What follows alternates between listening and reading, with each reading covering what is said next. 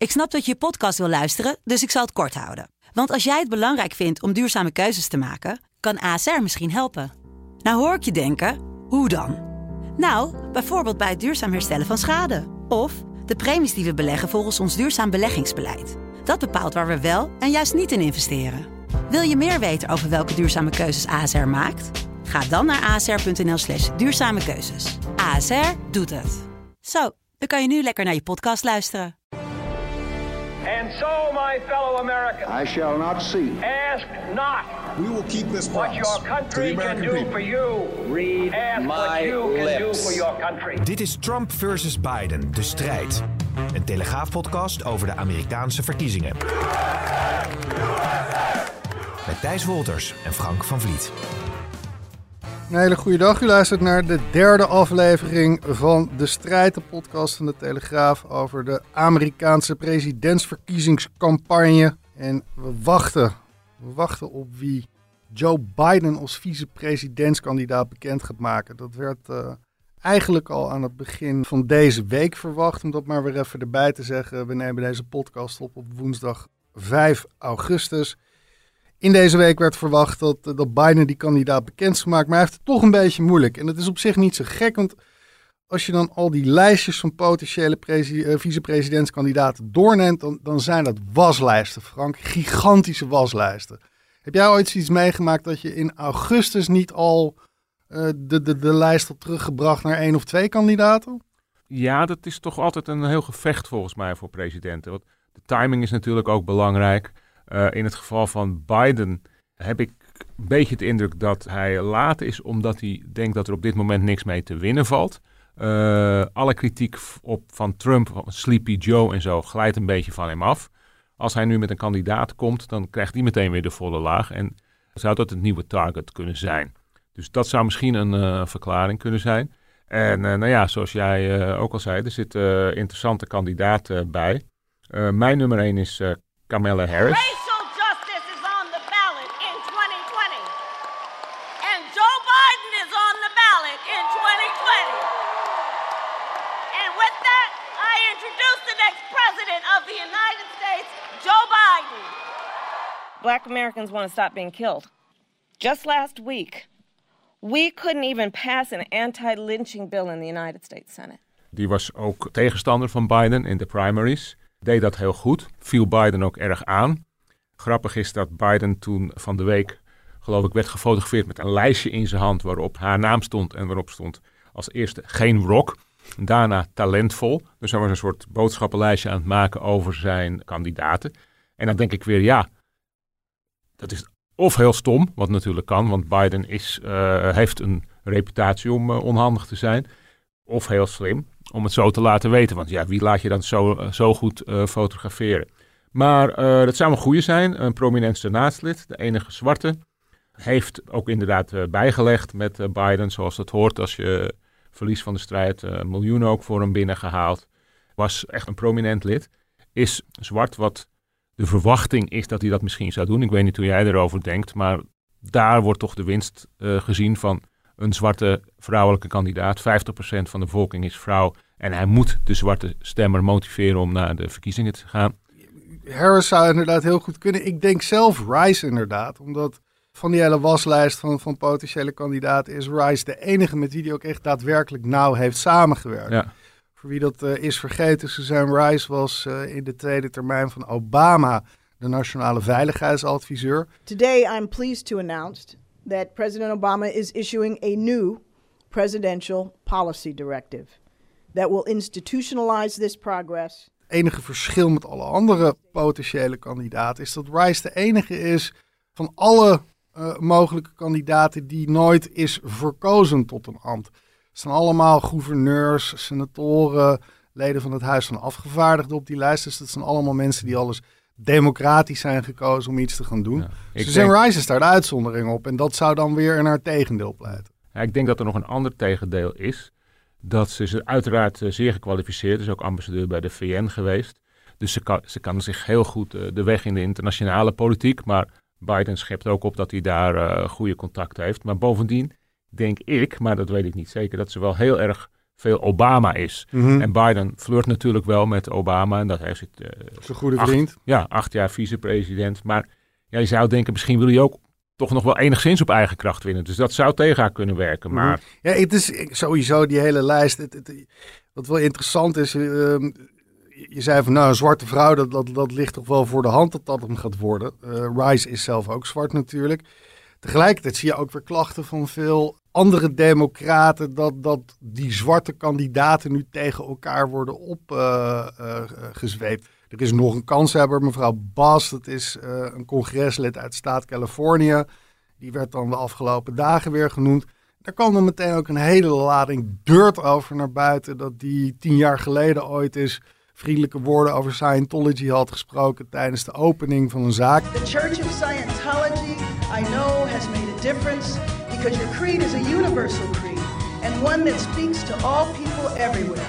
I look forward to helping you bring about the difference for everyone in the city, this golden state of California, and from here, the nation, and from the nation, the world. Thank you very much.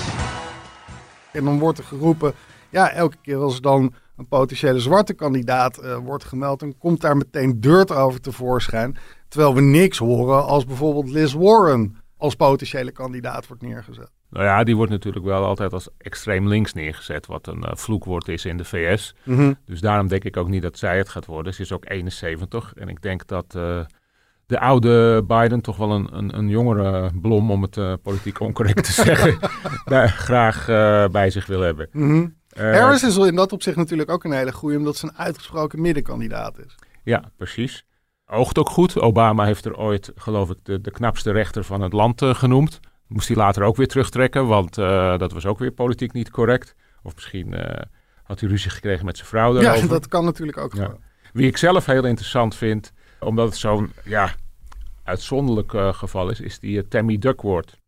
Die is 52, dat is een oud Irak-veteraan. Die is toen in een helikopter neergehaald boven Irak. Ze heeft de Purple Heart, onderscheiding gekregen.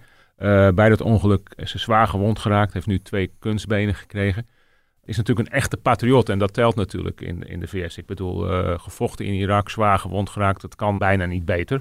De vader was een eh, marineman. Haar moeder was een Thai-Chinese. Dus ze is ook weer een mix, zoals bijvoorbeeld ook Kamala Harris.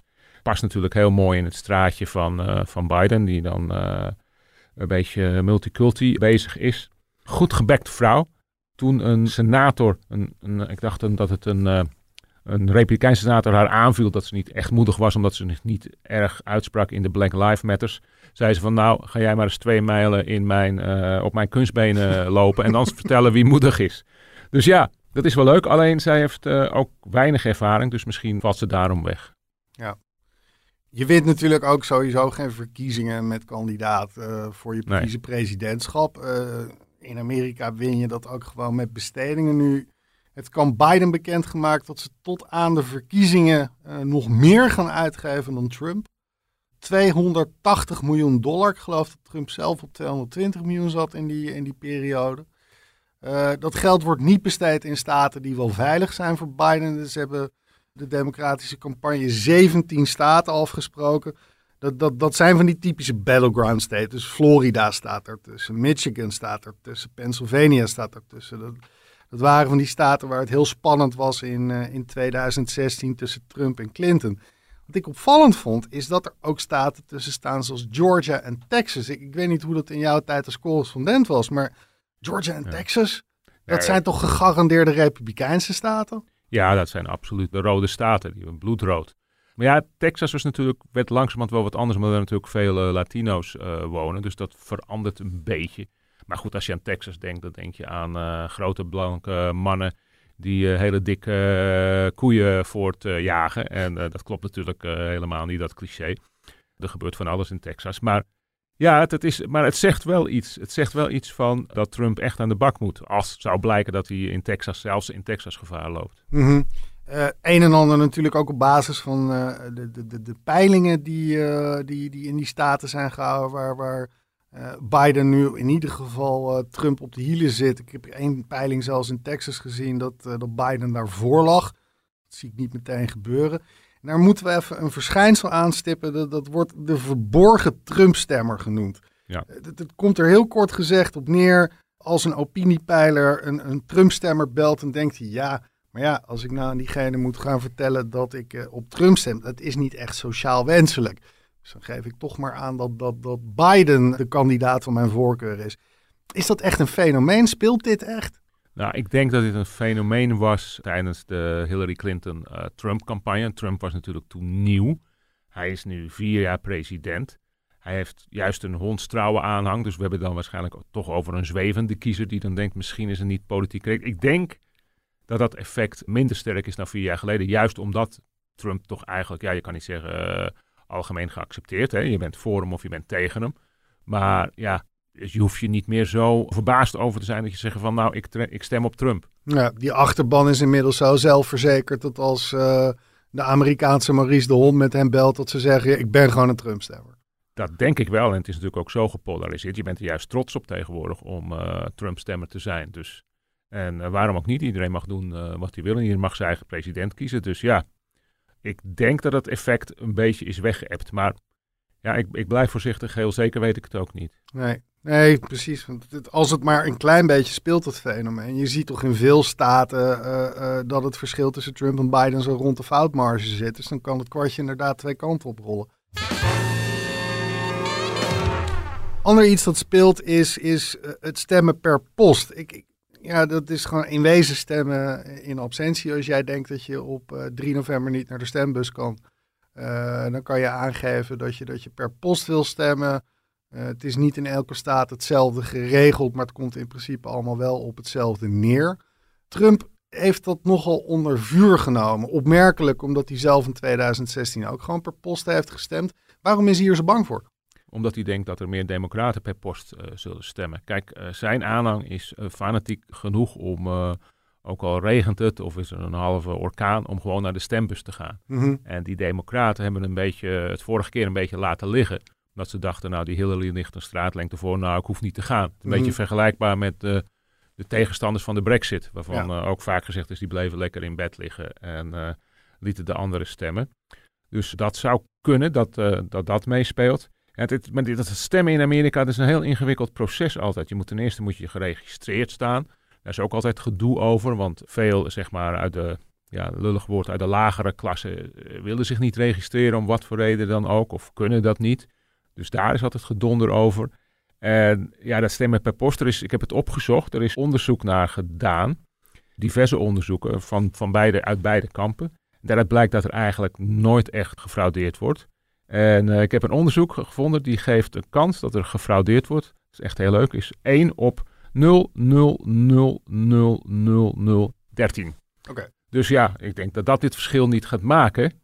Aan de andere kant zijn er toch wel een paar dingen die gek zijn met stemmen per post. Want ja, als je in een stembusje staat, sta je alleen, vul je het zelf in.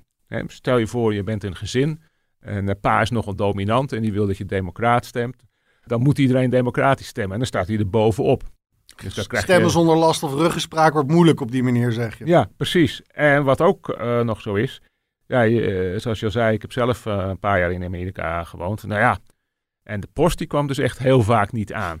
En ja, dan denk ik, als de stemmen niet aankomen, en zeker in staten waar het close is, mm -hmm. kan dat vervelend worden. En sindsdien is, is de postbezorging niet beter geworden, want er is enorm op bezuinigd. Door Trump ook. Volgens de grondwet moet er post bezorgd worden in de, in de VS. Dus er moet wel geld naartoe. Maar ja, god, Trump is meer een man van om geld te pompen naar iets wat winstgevend is natuurlijk. En dat is de post zeker niet. Ja, ondanks dat het het land is dat inderdaad het kapitalisme vertegenwoordigt ongeveer, is het gewoon nog een staatsbedrijf bij wijze van spreken. Ja, maar ja, dat is natuurlijk, kijk, als Trump zegt van uh, China doet, uh, doet aan staatssteun, dat doet hij natuurlijk ook. Ja. Het is heel gek, maar op heel veel punten, of nou, het is wat overdreven, maar op sommige punten is Amerika gewoon een derde wereldland. Ja. Kijk naar het feit dat bij iedere orkaan er weer voor miljoenen mensen zonder uh, elektriciteit zitten, omdat ze die dingen niet, die leidingen niet onder de grond willen leggen. Kijk naar uh, als, je, als je naar een supermarkt gaat, nog de helft staat nog met een cheque te betalen, uit te schrijven rustig. Ja, dat, dan denk je dat, dat dat is gek. En ook heel bureaucratisch zijn ze als je, als je een auto koopt en zo. Ja, dan moet je naar, uh, ik, dan krijg je een nummerbord. Dus je krijgt een eigen nummerbord. Dat moet je dan ophalen op uh, Times Square. In mijn geval. Als je niet... dan kan je dus helemaal niet komen met een auto. Nee. Dus ja, het, Het is of enorm geestig of enorm stom. En dat soort dingen, dat speelt echt. Dus die post, dat is ook... Ja, die auto's heb ik in plaats ook een verhaal genomen. Dat ze de auto's moesten vervangen. Er waren ook auto's uit 1960 nog bij. Ja. Die, die typische postbusjes, weet Ja. je wel. Uh, prachtige auto's, maar uh, ja. Tegelijkertijd is de kritiek op de kritiek van Trump. Ja, maar hallo, de Postmaster General, de, de, de directeur van de US Postal Service, zeg maar de, de, de Amerikaanse PTT, dat is Louis DeJoy. En dat is iemand die Trump daar heeft neergezet. Ja. In wezen heeft hij gewoon een, een, een intrigant daarin gebracht om even verder te gaan met die kritiek die het systeem onder vuur neemt van binnenuit. Ja, nogal wie dus dat het dan niet goed gaat. Ja. Maar dan is het gewoon Trumps eigen schuld. Ja, maar ja, dat zal hij nooit toegeven Nee. natuurlijk. En misschien is het ook een masterplan. Dat, dat willen natuurlijk de democraten doen geloven. En ja, eerlijk gezegd weet ik niet wat hier de waarheid is. Gewoon slecht eh, beheer of echt eh, een groot, groot plan. Want ja, het is natuurlijk grote kans dat die stemmen straks gewoon niet op tijd komen. Omdat die post niet op tijd is. En ja, dan heeft Trump natuurlijk, mocht hij verliezen, reden om te zeggen: hé, hey, hey, jongens, hier wordt gesjoemeld, want daar liggen nog duizenden stemmen. En eh, wie weet of dat wel veilig is, et cetera. Mhm. Terug naar, naar, naar de beide kandidaten. Er, er is nogal wat gedoe over, over de debatten geweest. Trump zei dat Biden niet met hem wilde debatteren, andersom ook niet. Inmiddels zijn er gewoon drie debatten afgesproken. Ja, maar die waren al afgesproken. Hè? Die Ja. waren gewoon afgesproken. Dus dat hele verhaal van Biden wil niet of durft niet te debatteren is gewoon onzin. Ja. Er zitten handtekeningen zijn er gezet over drie. Trump wilde er nog één en toen heeft Biden gezegd, ja ho ho, ik vind drie wel genoeg. En dan komt het hele verhaal van Biden kan niet debatteren, die kan geen zin meer normaal uitspreken, is mentaal niet fit genoeg, et cetera. Dat zou kunnen, maar ja, als hij mentaal niet fit genoeg is, dan zal dat ook in drie debatten wel blijken. En hoef je er geen vier meer te voeren. Ja, die mentale fitheid. We hebben ook Trump gehad, het- het- nogal roemrucht citaat inmiddels, waarin hij vertelde over de, de, de, eh, een, een soort intelligentietest dat hij had gehad. En dat hij dan onder andere een lijstje van vijf woorden in de goede volgorde moest onthouden. person, woman, man, camera, TV. So they say, could you repeat that? If you get it in order, you get extra points. They said, nobody gets it in order. It's actually not that easy, but for me it was easy. Person, woman, man, camera, TV. They say, that's amazing. How did you do that? Het is wel grappig dat je dus nu eigenlijk met twee kandidaten zit die allebei de kritiek krijgen dat ze, ze nou, in ieder geval al wat ouder zijn. En mogelijk deels als gevolg daarvan toch wat minder scherp zijn dan, dan de gemiddelde vijftiger. Daar staat tegenover dat, dat, het in, eh, dat Amerika natuurlijk een land is waarbij we niet per se een premier van in de 40 willen hebben, eh, zoals dat hier in Europa wat, wat, wat normaler is. In Amerika is het vrij normaal dat zo'n president al wat ouder is. Dat, dat, Obama was in dat uit, eh, opzicht natuurlijk een uitzondering. Die, die mentale fitheid, als die twee tegenover elkaar worden gezet, wat verwacht je dan van zo'n debat? Ik bedoel, als ze allebei een beetje gaan lopen stamelen, dan wordt dat misschien hilarisch. Maar wordt de kiezer er niet echt wijzer van. Ja, ja, misschien moeten ze ook een rollatorrace houden. dus, nou, en ze hebben het ook wel eens over, over, dan over de fysieke eh, fitheid. Biden heeft wel eens gezegd van nou, eh, ik sta- stap zo in de ring met, eh, met Trump. Want Mhm. Biden was vroeger een, een grote sportman, heb ik begrepen. Geen, geen briljante student overigens, net als Trump, maar een grote sportman. En, dus dat is misschien dat hij dat wat overmoedig is geworden. Maar ja, die mentale fitheid, ja, vooral van Biden is bekend. En die deed 30 jaar geleden deed hij al mee aan de, aan de presidentsverkiezingen. Die, die, Ja. Daar kwam hij niet ver. Maar ook toen maakte hij al verbale blunders. En hij zegt zelf, ik ben een eh, gaffer machine. En een gaffer, dat is een woord wat ik echt in Amerika heb geleerd. Dat betekent dat je een soort mafkees bent of een eh maffe versprekingen en zo. Mhm. Poor kids are just as bright and just as talented as white kids. Wealthy kids, black kids, Asian kids. No, I really mean it, but think how we think about it. got hairy legs that turn that that that that that that turn uh, uh, um, blonde in the sun. Mom uh, lived in uh, in Long Island for ten years or so. Uh, God rest her soul. And uh, um, although she's wait, your mom's still your mom's still alive as your dad passed. God bless her soul. And ja, ja, ik vind het toch wel, ja, wel een serieus punt. En in Amerika mag er kennelijk niet over gepraat worden. Het hele congres zit ook vol met bejaarden. Mhm. Eh, allemaal, allemaal steenrijk bijna en allemaal bijna bejaard. Hè. Er zijn nu wat nieuwe bijgekomen, maar het lijkt nu echt een beetje oude mannenclub. En voor buitenstaanders is dat vreemd, maar ja, in Amerika blijf je wel langer werken. Hè. Ik bedoel, eh, hier snakken we allemaal naar het pensioen. En in Amerika staan ze al dan niet noodgedwongen ouderen staan jouw tasje eh, bij de, in te pakken bij een, bij een supermarkt. Ja. Wil toen nog heel even wat betreft die debatten ook, omdat we hebben het gehad over die mentale fitheid van Biden. Tegelijkertijd, als je zeker wat recente interviews van, van, van Trump bekijkt, kan je toch ook wel afvragen in hoeverre dat bij hem ook allemaal goed gaat. Afgelopen zondag was dat, eh, en in de afgelopen dagen zijn er dan wat meer fragmenten van verspreid. Eh, een interview dat eh, de nieuwssite Axios via HBO heeft uitgezonden. Een hele rare ruzie tussen Jonathan Swan, de interviewer, en Trump zelf over die coronacijfers. The United States is lowest in numerous categories. Uh, we're lower than the world. Lower than We're the lower world? than What is that? Europe. In Take what? Look. In what? Take a look. Right here. Here's case death. Oh, you're doing death as a proportion of cases. I'm talking about death as a proportion of population. That's where the US is really bad. Well, Much worse than South Korea, Germany, etc. you can't. You can't do that. You have Why to go. can't I do that? You have to go by. You have to go by where. Look, here is the United States. You have to go by the cases. The cases. Why not as a proportion? Het is natuurlijk opmerkelijk dat je een president hebt zitten die een soort eigen realiteit creëert. Hoe ga je daarmee in debat? Want je kan hem wel eh, cijfers voor de voeten gooien. Van kijk, zoveel eh zitten nu geloof ik 150.000 coronadoden. Maar als hij zegt van ja, maar dat kan je ook anders stellen. En als je het op die manier doet, dan gaat het juist hartstikke goed in de VS. Hoe discussieer je met Ja. zo'n man? Want het- ja, het is, het Ja. is een beetje de Teflon Don in dat opzicht. Ja. Als je een argument op hem afvuurt, dan glijdt dat gewoon van hem af. Ja, het is leuk dat je dat zegt. Ik had een eh, aardige suggestie ergens gelezen. En die is, er, was, er kwam op twee dingen neer. Ze zeiden of je zendt het debat uit met een vertraging. Zodat je, zodra er iemand een leugen vertelt, of het nou Biden of Trump is, dan zet je het stil. Mhm. Of dan zet je in de ondertekst van eh, dit is niet correct. En dan wilden ze ook nog tien minuten na het debat was afgelopen. Dan zou zou er zo'n soort onafhankelijk panel moeten zeggen wie heeft de meeste leugens verteld en wie niet. En er werd een vergelijking getrokken met het debat met Hillary Clinton toen.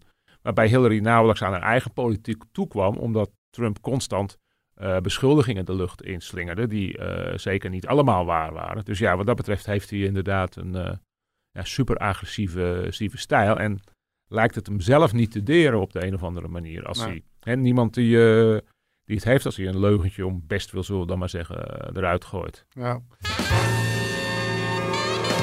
Tot slot nog heel beroemd fenomeen, wat voor zover bekend ook alleen in de, eh, in de Verenigde Staten eh, sprake van is de Oktober Surprise. Er wordt vanuit eh, kamp Trump al een beetje op gezinspeeld. Vier jaar geleden was het die data leak van Wikileaks over Clinton en, en de, de Democratische Partij die, die naar buiten kwam, die de hele boel op zijn kant zet, omdat dat dan uiteindelijk weer leidde tot een onderzoek van de FBI in de laatste dagen van de campagne. Eh, is dat eigenlijk niet gewoon het belangrijkste? De factoren die we nog niet kennen.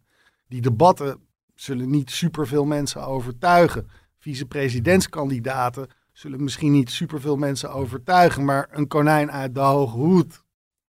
Ja, maar dan moet het wel echt een heel groot konijn zijn. Hè? Dus Mhm. de laatste keer was natuurlijk eh, redelijk groot. Maar doorgaans hebben de mensen tegen die tijd al beslist voor wie ze gaan stemmen. En als er dan niet, geen al te gekke dingen gebeuren, denk ik dat het eh, wel meevalt. En wat ook nog wel aardig is, eh, wat ik las, is dat de likability factor. Mensen vinden Joe Biden over het algemeen wel een aardige oké vent. En Trump-aanhangers vinden Trump oké.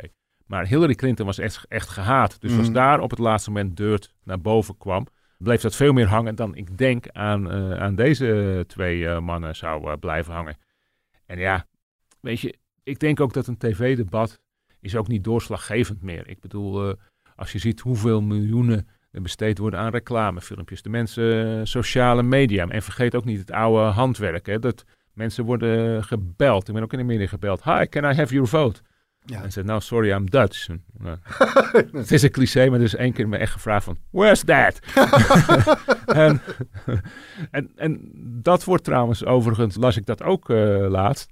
En heb ik ook een beetje gezien, wat je, wat je dan ziet, is dat die Trump-aanhangers nog wel fanatiek hun eigen huis met een Amerikaanse vlag en een Trump-banner vol metselen. En dat, dat bij Joe Biden nog een beetje op gang moet komen. Mhm. En dat eh, de mensen die er eh, in het veld zitten, dan zeggen van Joe, dat moet je echt wel doen.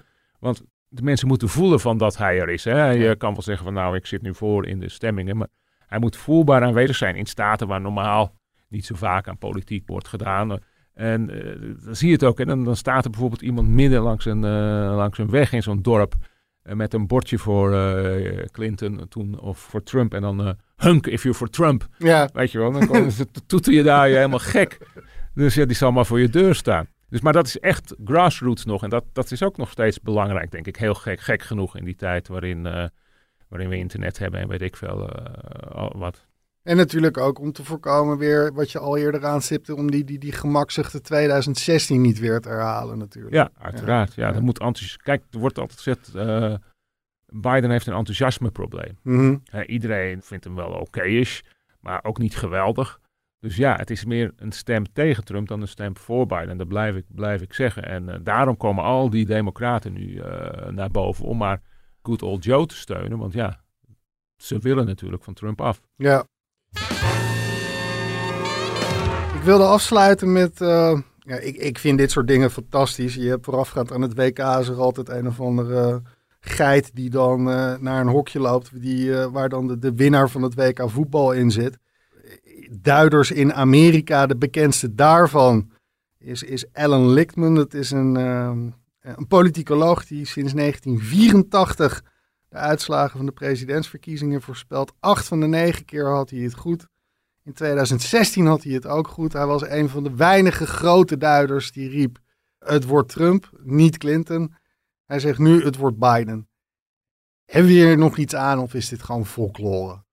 Nou ja, de man heeft wel veel gelijk gehad, dus dat is, dat is leuk. Maar dat had IJsbeer Maar- Knoet ook, bij wijze van spreken. ja, het zou kunnen. Ja, ik, ik, ze zijn natuurlijk, Amerikanen zijn altijd geobsedeerd door cijfers. Hè. Ik Mhm. bedoel, eh, ook al bij een voetbalwedstrijd, American voetbal, dan, dan, dan gooit er iemand een bal en dan ga ik, krijg je te horen hoe vaak hij die bal heeft gegooid, wat de, het verste is dat hij ooit heeft gegooid. En ondertussen is, gaan we alweer verder, weet je wel. Dus Ja. ja.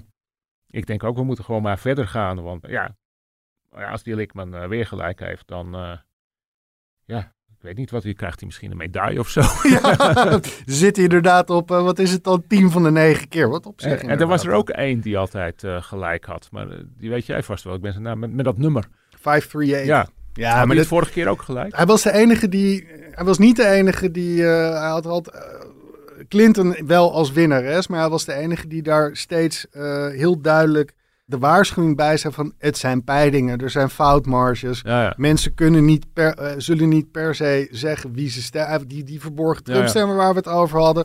Daar kwam hij ook inderdaad om mee naar voren. Maar ja, zo kan ik ook een peiling houden natuurlijk. Ik kijk, van, Eh, Het leuke van 538 is, is dat ze al die peilingen bij elkaar Ja, gooien. precies. En dat, dat maakt het natuurlijk al een stuk betrouwbaarder. Als je verschillende peilingen middelt, dan krijg je al een wat beter beeld. Tegelijkertijd is ook hij degene die altijd heel duidelijk zegt van jongens, het Amerikaanse systeem, je kan inderdaad in heel Amerika eh 55% voor Biden, 45% voor Trump peilen. Maar ja, dan reken je buiten hoe er wordt eh, gestemd. En Ja. buiten die eh, eh, kiesmannen die, die er uiteindelijk voor zorgen dat de president wordt gekozen. Dus Maar daar gaan we het vast een andere keer nog over hebben, of niet? ja.